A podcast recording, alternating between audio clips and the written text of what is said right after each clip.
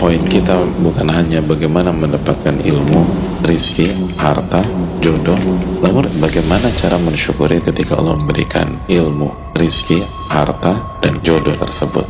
Ibnu Qayyim rahimahullah ta'ala kalau katakan syukur itu tentang langkahnya sebuah komunitas di alam semesta ini surat Saba ayat 13 wa min ibadiyas syakur dan sangat sedikit dari hamba-hambaku yang bersyukur perjuangkanlah. Syukur tersebut sehingga kita masuk ke komunitas orang-orang spesial elit kalau bahasa sekarang.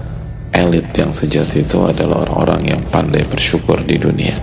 Sedikit sekali tapi mereka lah hamba-hamba pilihan Allah subhanahu wa ta'ala.